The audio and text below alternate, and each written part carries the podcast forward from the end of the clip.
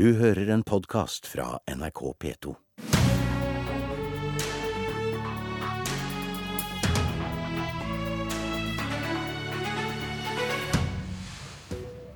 Diskreditering, latterliggjøring og karikering. Sterke ord når Høyre slår tilbake mot Senterpartiets utrettelige sentraliseringskritikk. President, Når vi ser tilbake på perioden Høyre og Fremskrittspartiet har styrt Norge, så kan en lett få inntrykk av at, eh, at hver statsråd har stått opp om morgenen og tenkt Hva er det jeg kan sentralisere i dag? President, det er mulig at man forsøker å latterliggjøre andres motiver i politikken på den måten representanten Vedum nå gjorde, at det er morsomt. Jeg syns altså at med en viss seriøsitet så skal vi diskutere hvilke utfordringer vi har i dette landet. Som vi hørte, Erna Solberg lo ikke da Senterpartilederen tegna et bilde av at hennes statsråder planlegger nedleggelse og sentralisering mens de pusser tennene eller tar seg en kaffekopp før jobbdagen starter. Vedums innlegg i spørretimen er en diskreditt av norsk politikk, hevda statsministeren i går. Parlamentarisk nestleder i Høyre, Nikolai Astrup, velkommen til Politisk kvarter. Takk skal du ha. Har Senterpartiets framgang gjort dere litt hårsår i Høyre? Nei, men jeg tror alle politikere i Norge står opp uh, hver eneste dag og tenker hvordan kan jeg få til bedre tjenester for folk? Hvordan kan jeg gjøre det jeg er valgt til å gjøre, uh, nemlig forbedre dette landet og løse de utfordringene som vi står overfor. Og Det eh, Vedum gjorde i går, det var jo også tvil om motivene våre. Det syns jeg ikke vi skal gjøre. Vi kan gjerne diskutere resultatene av politikken, men motivene våre holder vi syns jeg vi skal respektere. At vi alle ønsker det samme, nemlig et bedre land for alle som bor her. Trygve Slagsvold Vedum, leder i Senterpartiet, velkommen eh, til deg også. Eh, statsministeren mener du har en latterliggjøringsstrategi som diskrediterer norsk politikk. Gikk du for langt i spørretimen eh, i går? Det gjorde jeg ikke. For den fellesnevner for denne regjeringa er sentralisering. Du ser på politi. Du kalte det nærpolitireform. Det har blitt en fjernpolitireform. Du ser det på Nav. Du ser det til Heimevernet.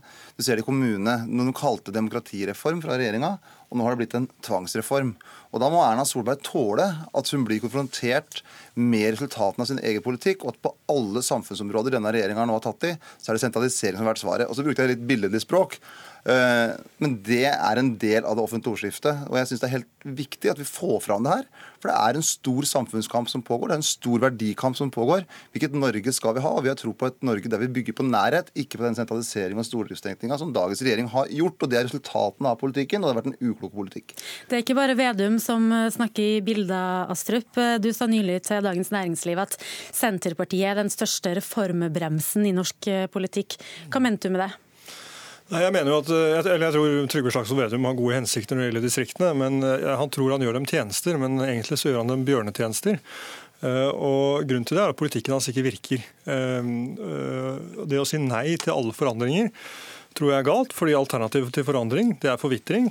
Og jeg mener jo at De reformene som vi gjennomfører, det fører til bedre tjenester for folk. F.eks. politireformen, hvor vi nå har kortere responstid. Hvor Vedum i sitt eget politidistrikt har titalls flere politifolk tilgjengelig enn det han hadde tidligere. Politifolkene bruker mindre tid på kontor, mer tid på hjul.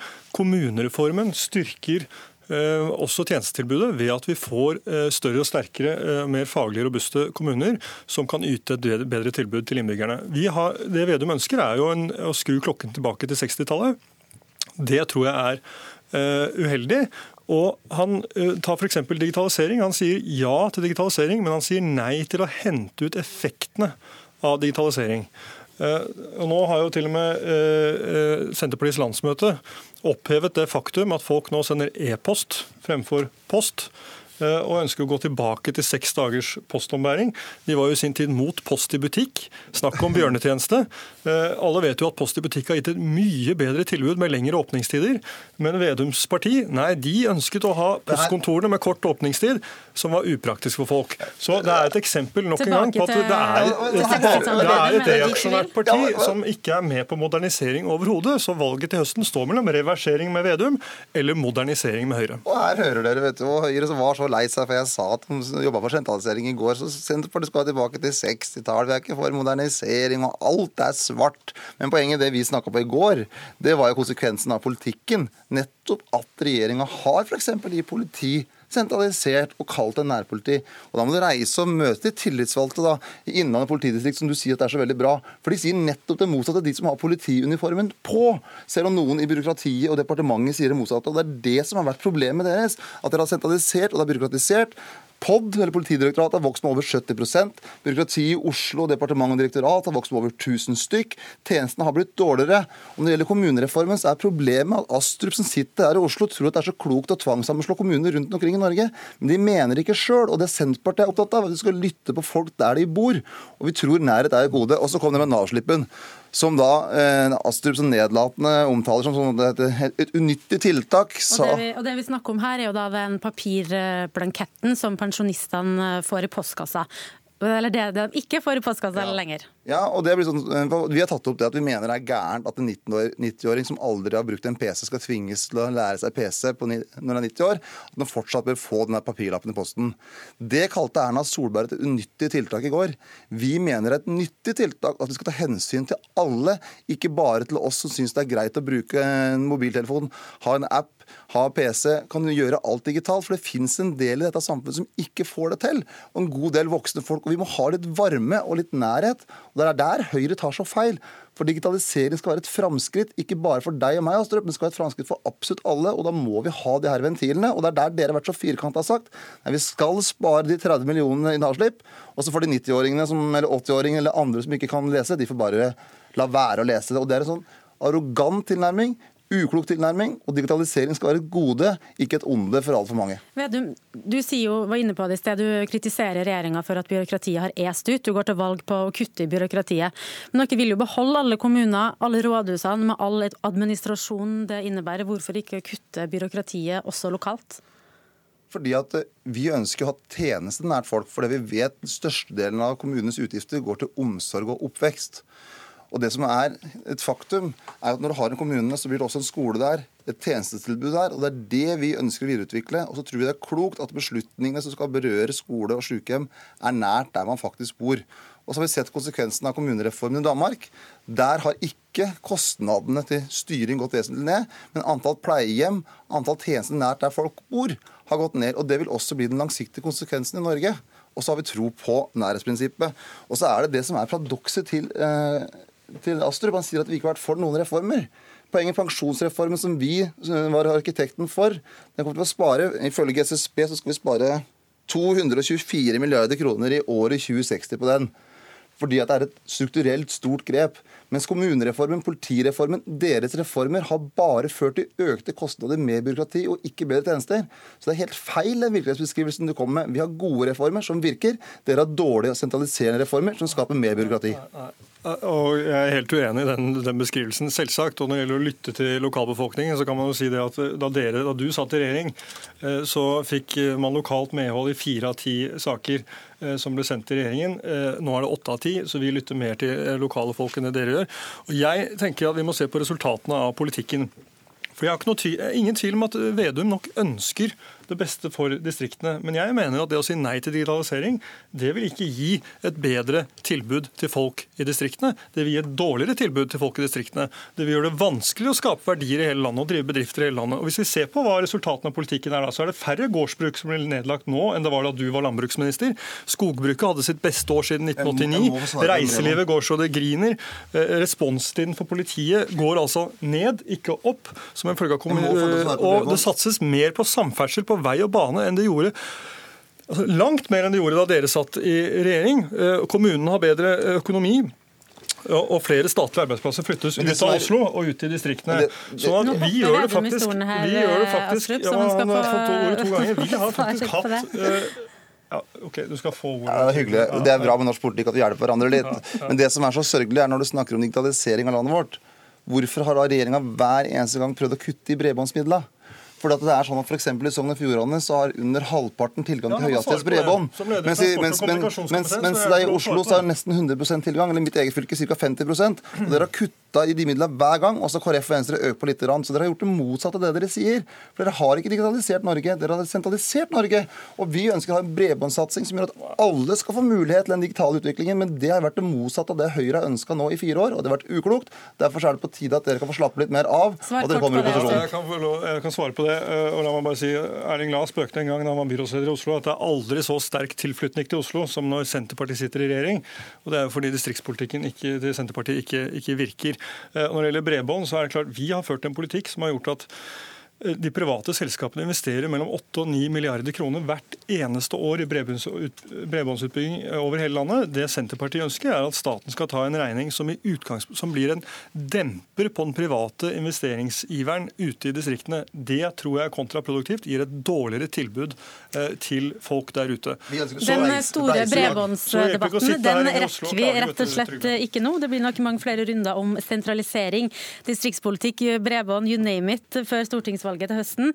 Takk for at dere kom, leder i Senterpartiet Trygve Slagsvold Vedum, og parlamentarisk nestleder i Høyre Nikolai Astrup.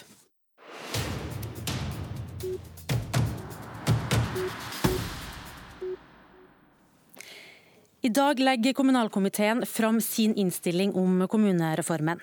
I dag kommer også boka 'Lokalvalget 2015 et valg i kommunereformens tegn'. Om noen timer så skal du legge fram kapitlet som handler om holdninga til kommunesammenslåing, førsteamanuensis Jan Elling Klausen. Men før det så er du her i Politisk kvarter. Velkommen. Takk for det. Etter hvert lokalvalg så har folk blitt spurt om antall kommunes, kommuner bør reduseres, være som de er eller økes. Og hva viser utviklinga? Ja, Vi har sett over tid at når man spør det generelle spørsmålet bør man redusere, øke eller la være å endre antall kommuner, så er det jo en stadig økende andel som er positive til å slå sammen kommuner. Det ser vi.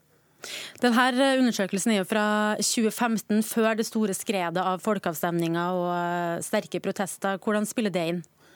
Ja, Det kan jo, vil jo antagelig tro at det har spilt inn, fordi altså høsten 2015 så var det jo allerede en god del kommuner som var i gang. Men det er klart at spørsmålet har nok blitt mer polarisert etter hvert som debatten gikk fremover. Så det er vanskelig å si hvordan tallene ville sett ut akkurat i dag. Etter hvert lokalvalg eh, så gjøres jo denne undersøkelsen, og folk har også blitt spurt om hva de tror konsekvensene av eh, kommunesammenslåing blir, og hva svarer de der? Det er litt overraskende i tallene, syns vi. fordi at eh, den største gruppen, flertallet, mener jo da egentlig at det ikke vil ha så mye konsekvenser hvis min egen kommune slår sammen nabokommunene. Det, og det, eh, det, det viser seg også at de som da tror at det ikke vil ha så mye konsekvenser, det er også da blant de som er gjennomgående mer positive til, til sammenslåing. Men det kan nok ha noe å si med at denne undersøkelsen er stilt til hele landet, til hele befolkningen. Og at det kan være litt andre oppfatninger i mindre kommuner, ser vi også i tallene, hvor reformen er mer omstridt. Ja, så Hvis du bor i en storby, så spiller det ikke så stor rolle for deg om du slår deg sammen med Nei, jeg Nei, jeg litt på det. Jeg har en venn som bor i Larvik. ikke sant? Jeg spurte han om han er veldig opprørt og vi skal slå seg sammen med Lardal, men det hadde han nesten ikke fått med seg engang. Så ja. Men i Lardal har de sikkert fått det med seg i større grad. Ja. Ja. Du kommer jo også straks med en artikkel som har sett på eh, resultatet av reformen. Og Der er konklusjonen at i antall kommuner som slår seg sammen, så har Sanners reform overgått eh, selv forventningene til det mest optimistiske. Men når det kommer til målene med reformen, så er det ikke like mye å rope hurra for. Nei, Vi går litt gjennom utkommet nå i stat og styring som kommer. og det, Nå legges jo innstillingene frem i dag, så da ser vi jo hva som er utkommet og kan vurdere det i forhold til målene regjeringen hadde. Og jeg tror at eh, I departementet er det nok ganske lettet. for Hvis vi går tilbake halvannet år, så så det ut som at hele reformen skulle havarere nesten. Men nå er det jo tross alt over 25 av kommunene som slår seg sammen med naboer, så det er blitt en ganske omfattende reform. Men det som er tingen er jo at selv om en god del kommuner slår seg sammen, og det er vel 46 nye kommuner av 118 gamle som blir endret, så er det jo fremdeles slik at eh, bare 51 av de kommunene som er altså halv, den minste halvparten av kommunene, så er det bare 51 av de som blir noe større. Eh, De aller fleste kommunene med under 1000 innbyggere blir fremdeles værende like små. Eh, Og også mange av disse tettstedene som er oppsplittet i mange kommuner, blir værende slik. slik at det, det vil jo ikke gi på en måte en måloppnåelse i kommunesektoren som helhet. Eh, Ikke minst da med regjeringens mål om å kunne gi mer frihet, mer oppgaver, mer selvstendighet til kommunene. Ja, hvordan påvirker det hva regjeringa kan oppnå med oppgaveflytting f.eks.?